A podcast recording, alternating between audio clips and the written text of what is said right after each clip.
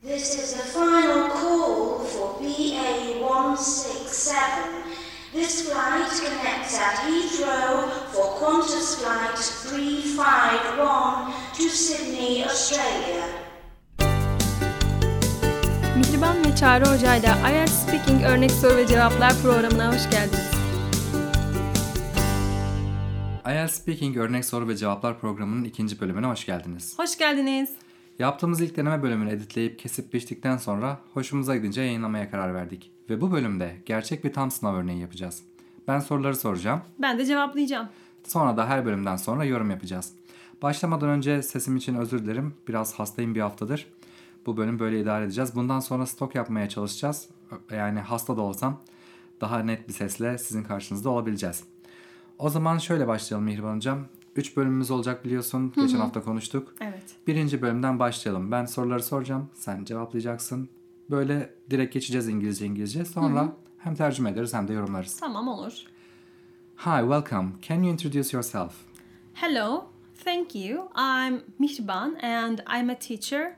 I live in Istanbul with my family. I have a son. I like painting and traveling. Good. Okay, Mihriban. Who gave you your name?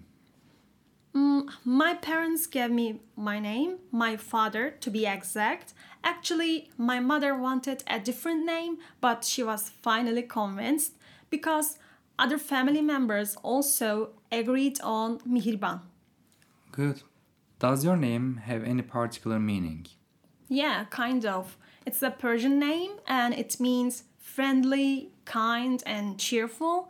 People say that I really represent my name because I always smile. Great. That's my last question. Do you like your name? Actually, I didn't like it when I was a child because there was a famous song called Mihriban, and every person that I encounter used to sing that song when they learned my name. As you can guess, it's annoying when you are a kid, but now I like it both because of its meaning and because it's a rare name. Okey süper oldu.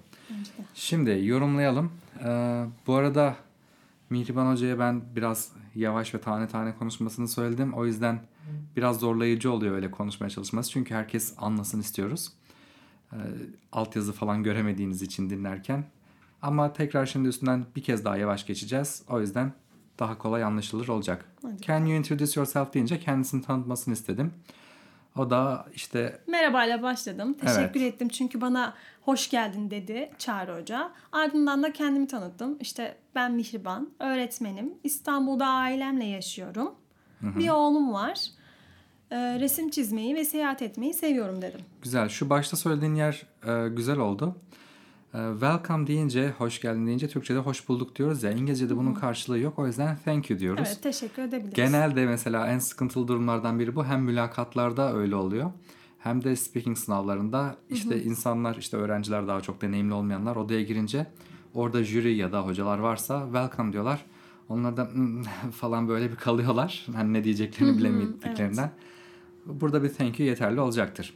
Sonra ben adını kimin verdiğini sordum. Birinci bölümde isim üzerine yoğunlaştık arkadaşlar. Ee, Can you introduce yourself zaten banko daha önce konuşmuştuk ama birinci bölümün buradaki soruları isimle alakalıydı. Benim isim de birazcık böyle ender rastlanan bir isim olduğu için bunun üzerinden gittik. Evet, e, ailem bana ismimi ver dedi. Sonra güzel bir ifade kullandın. My father to be exact dedin. Ne demek istedin orada? Tam olarak söylemek gerekirse babam Evet. dedim. Daha sonra işte annem başka bir isim istiyordu ama sonra e, diğer aile üyeleri de Mihriban üstünde hemfikir olduğu için ikna oldu dedik. Burada iki tane güzel yapı kullandın. Birisi pasif kullandın. She was finally convinced dedin. Sonunda ikna edildi aslında daha tam gramer çevirisi yaparsak. Diğer kullandığın güzel ifade agree on something bir şey üzerinde hemfikir olmak. Burada senin gramerinin e, iyi olduğunu, çeşitli olduğunu anlamış olduk. Bize bunu gösterdin. Süper. İkincisinde adının bir anlamı var mı? Özel bir anlamı var mı diye sorduk. Mesela dedim ki ben aslında e, Does your name have any particular meaning dedim. Burada mesela particular'ı mesela anlamamış olabilirsiniz. E, soruyu tekrar etmesi, e, soruyu tekrar etmesini istediğinizde sınavı yapan kişi size büyük ihtimalle Does your name have any special meaning diye oradaki particular'ı çevirecektir. Çünkü burada anlayamayacağınız en muhtemel kelime particular. Evet, doğru. Onu size eş anlamını verecektir. Special'da kullanabilirdik burada. Ve sen başlarken yeah kind of dedin. Kind of nedir? Gibi. Gibi Anlamına verdi. Evet. Normalde kind of'u biz type of, sort of yani tür gibi biliriz ama konuşma dilinde bu çok yaygın. Yeah, kind of deyince Hatta, hatta şey kinda. evet Daha sokak dilinde daha çok mi? öyle derler. Gibi anlamı yani özel bir anlamı var gibi diyorsun. Sonra anlatmaya başladın işte Persian name dedin. Bir Kökenini söyledim. Farsça Farsça olduğundan dedin. bahsettim. Sonra anlamını açıkladım. İşte arkadaş canlısı, friendly demek. Kind, nazik, dostça demek. Sonra Cheerful neşeli dedin. anlamına geldiğini belirttim. Cheerful dedim. sonra dedin ki people say that insanlar diyor ki I really represent my name. Represent? Temsil etmek, hani onu taşımak Evet yansıtmak geliyor. değil mi? Evet, yansıtmak. Çünkü hep gülüyorum dedin. Sonra da gülerek hani güldüğümü vurgulamak istedim. Evet. Sonra dedim ki son sorumda do you like your name adını seviyor musun dedim. Sen de Çocukken sevmediğimden bahsettim ve hikayeye giriş yaptım. Aslında dedim actually diye zarf kullandım. Sonra burada e, meşhur bir şarkı Hah, vardı Mihriban dedin. Orada yine kullandığım bir kelimeyi beğendim. Mesela meet Encounter. diyebilirdin. Evet meet diyebilirdin. Face diyebilirdin. Gerçi face'i de çoğu insan fiil olarak çok düşünmüyor. Encounter dedin. Akademik İngilizce'de kullanıyoruz bunu bayağı. Karşılaşmak. Karşılaştığım her insan adımı öğrendiğinde bu şarkıyı söylemeye başlıyordu dedim. Used to kalıbını kullandın. Eskiden, olan Eskiden. bir durum için. Sonra as you can guess'ten Tahmin edebileceğiniz gibi çocukken bu durum sinir bozucuydu dedim. It's annoying diyerek sinir bozucu ifadesini kullandım sıfatı. Ama artık sevdiğimden bahsettim. Çünkü hem anlamından dolayı hem de az rastlanan ender bir isim olduğundan dolayı dedim. Güzel. İkinci bölüme geçelim. İkinci bölümde hatırladığınız gibi ilk bölümden şöyle yapıyorduk. Size bir cue kart veriliyor. ipucu kartı. Ee, Bir iki dakika konuşmanız bekleniyor bu konu hakkında. Size 60 saniye veriyorlar düşünüp not almanız için. Ve verirken de size zaten soruyu okuyabiliyorlar. Mesela ben şöyle yapacağım kartı verirken okuyacağım. Siz de duymuş olacaksınız kartı görmediğiniz için. Diyorum Evet. ki Describe the best present or gift you have received. Üç başlık altında şöyle demişler. Who sent it? What is the gift? What is it for? When did you receive it? And detailed information about the present. Şunu soruyoruz. Ee, aldığın en iyi hediye neydi? Kim gönderdi? Hediye neydi? Ne içindi? Sonraki soruda ne zaman aldın? Ve bu hediye hakkında detaylı bilgi. Şimdi ben size daha önce söyledik ya biz bu soruları internetten derliyoruz. İşte insanlar sınava girip yazıyorlar. Bana şu çıktı, bana bu çıktı. Genelde zaten bir soru havuzu var ve çoğunlukla aynı şeyler çıkıyor. Ee, Ben mesela sınava girmeden bu gift olayını görmüştüm. Dedim ki ya çok klasik bu falan dedim. Sonra sınavda bana gerçekten gift çıktı. Ve insanlarda şöyle bir şey oluyor. Yani bende de çok oluyor. Ona örnek vereceğim zaten. Bazen öğrencileri çalıştırırken şey diyorlar. Hocam aklıma bir şey gelmiyor. Siz bana Türkçesini söyleyin. Ben size anlatayım falan diyorlar. Hani örnek verin. Ee, bana hediye sorusu geldiğinde gerçekten benim de aklıma bir şey gelmedi. Bana böyle değil de şey dediler. Aldığın son hediye neydi dediler. Ee, şey değil de en iyi hediyeyi sormadılar. Son hediye neydi diye sordular ama sonuçta hediye ile ilgili bir şeydi. İlk aklına gelen bir şey hakkında hemen uydurup bir hikaye oluşturmak Aynen lazım öyle bence. yaptım. Yani Dedim ki işte eşim aldı en son doğum günümdü. İşte gömlek aldı. Mavi beyazdı, çizgiliydi falan dedim. Böylece kurtulmuş oldum. İlla sizden zaten doğru bir şey anlatmanızı beklemiyorlar. Sadece İngilizcenizi ölçüyorlar burada. Evet, o Yalan söylemek zaten. sayılmaz bu. Evet.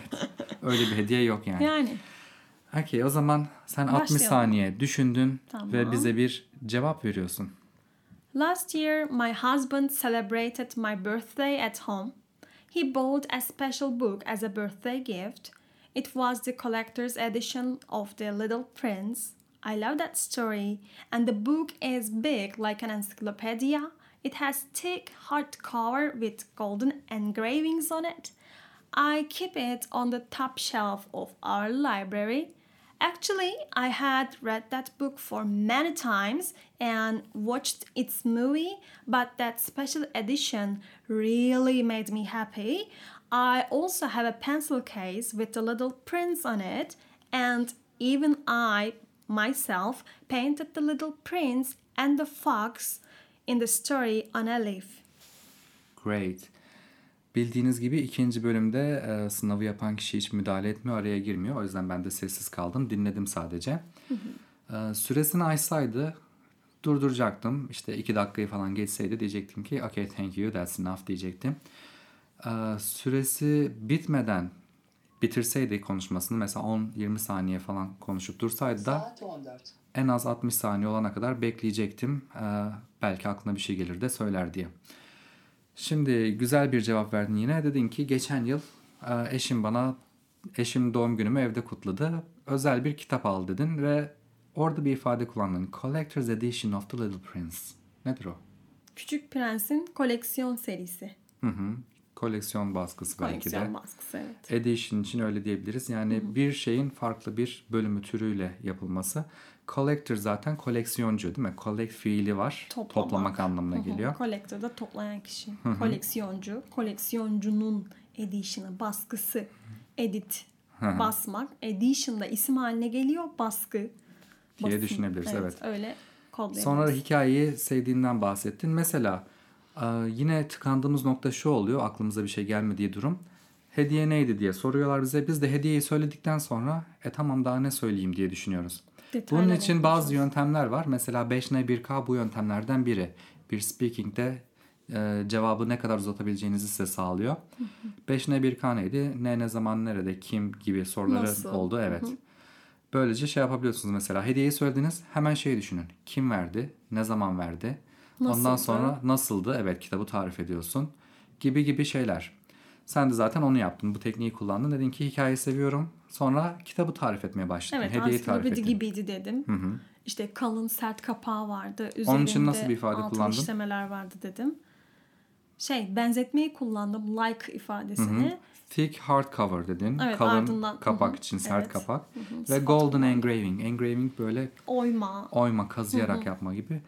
Altın gibi golden değil mi? Haha golden da altın. I keep it on the top shelf of our library'nin kütüphanemizin, kitaplığımızın en üst En üst rafında tutuyorum. Sonra son paragrafında ne dedin? Orada da hikayesini anlattım. Dedim ki aslında ben bu kitabı çok kez okudum. Çoğu kez okudum. İşte filmini izledim. Ama bu özel baskı beni gerçekten mutlu etti dedim. Sonuçta defalarca okumuşsun etmişsin. Evet. Bu hediyeyi özel kılan şeyin hani special edition Olması. olduğunu vurgulamak istedim.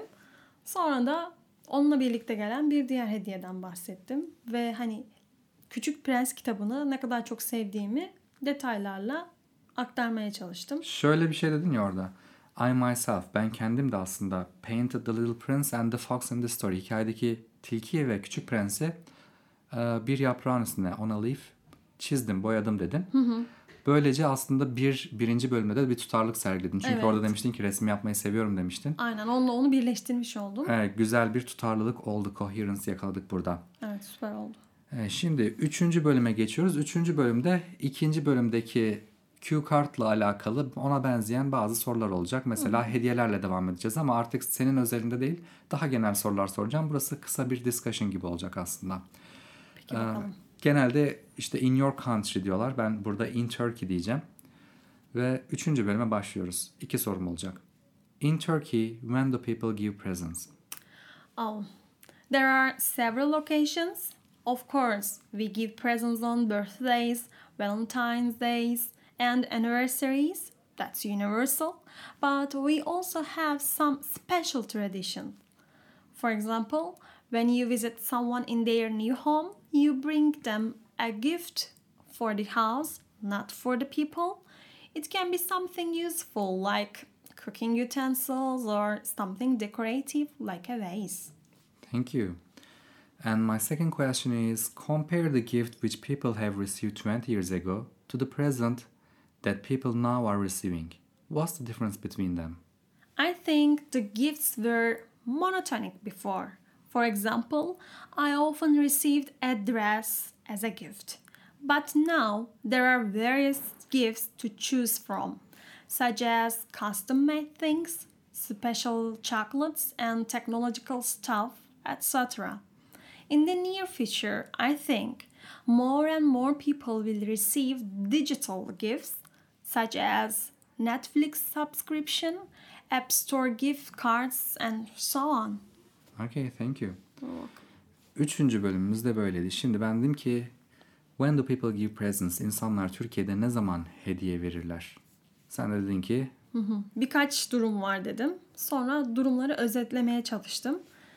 Öncelikle genel olarak işte evrensel olarak kutlanılan durumlardan bahsettim. Doğum günlerinde, sevgililer gününde ve yıl dönümlerinde hediye veririz dedim. Sonra özel bir şeyden bahsettin Evet. ama bizim özel bir geleneklerim geleneğimiz vardı. Geleneğimiz var dedim. Burada bu arada güzel bir şey oldu. Dedin ki but we also have some special tradition dedin. Orada S'i unuttun. Şimdi şimdiye kadar hep böyle gramerin 10 numara gittiği için o S puan kırılmasına neden olmayacak. Çünkü dil sürçmesi olabilir, basit bir unutma olabilir. Şimdiye kadar bundan başka bir S hatası yapmadın ama 2-3 kere yapsaydın o zaman puan kırılırdı.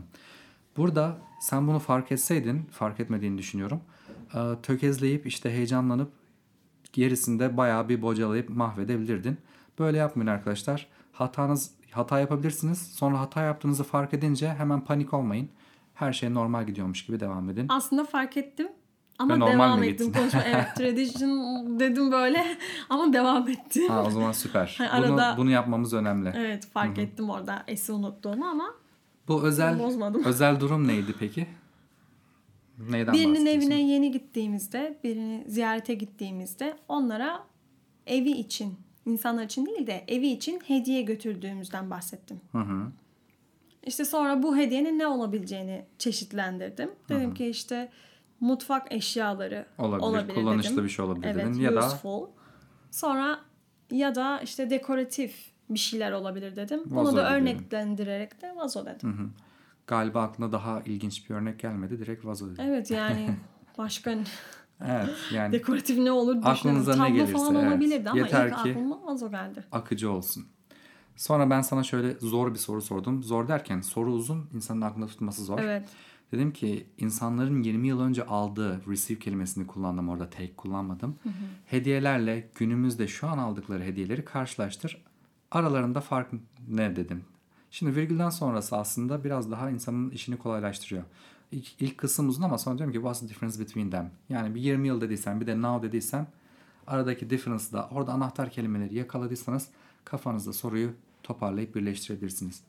Sen dedin ki güzel bir kelime kullandın. Yeni Monotonik duydum. dedim. Monotonik dedin. Yani tek düze değil mi? Eskiden hediyeler böyleydi. Örneğin Örneğin dedim genellikle hediye olarak elbise alırdım.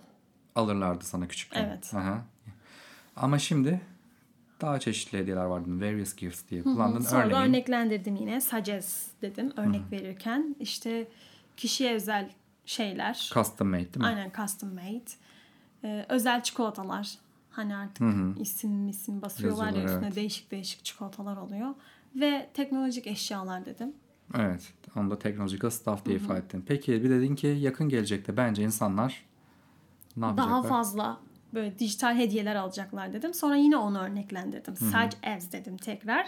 İşte Netflix üyeliği dedim. Ardından da App Store hediye kartlarından bahsettim. Vesaire dedin sonra Evet. son dedin. Bu güncel örnek güzel olmuş. Çünkü mesela internette baktığınızda şey diyorlar işte bu sınav örnekleri artık ne kadar eskiyse gelecekte insanlar şöyle hediyeler verecekler deyip işte dijital sözlükler falan diye örnekler Evet vermişler. gerçekten komik. Onu geçeli zaten Ee, yıllar Çok oldu. oldu. 90'ların örneği gibi olmuş bu.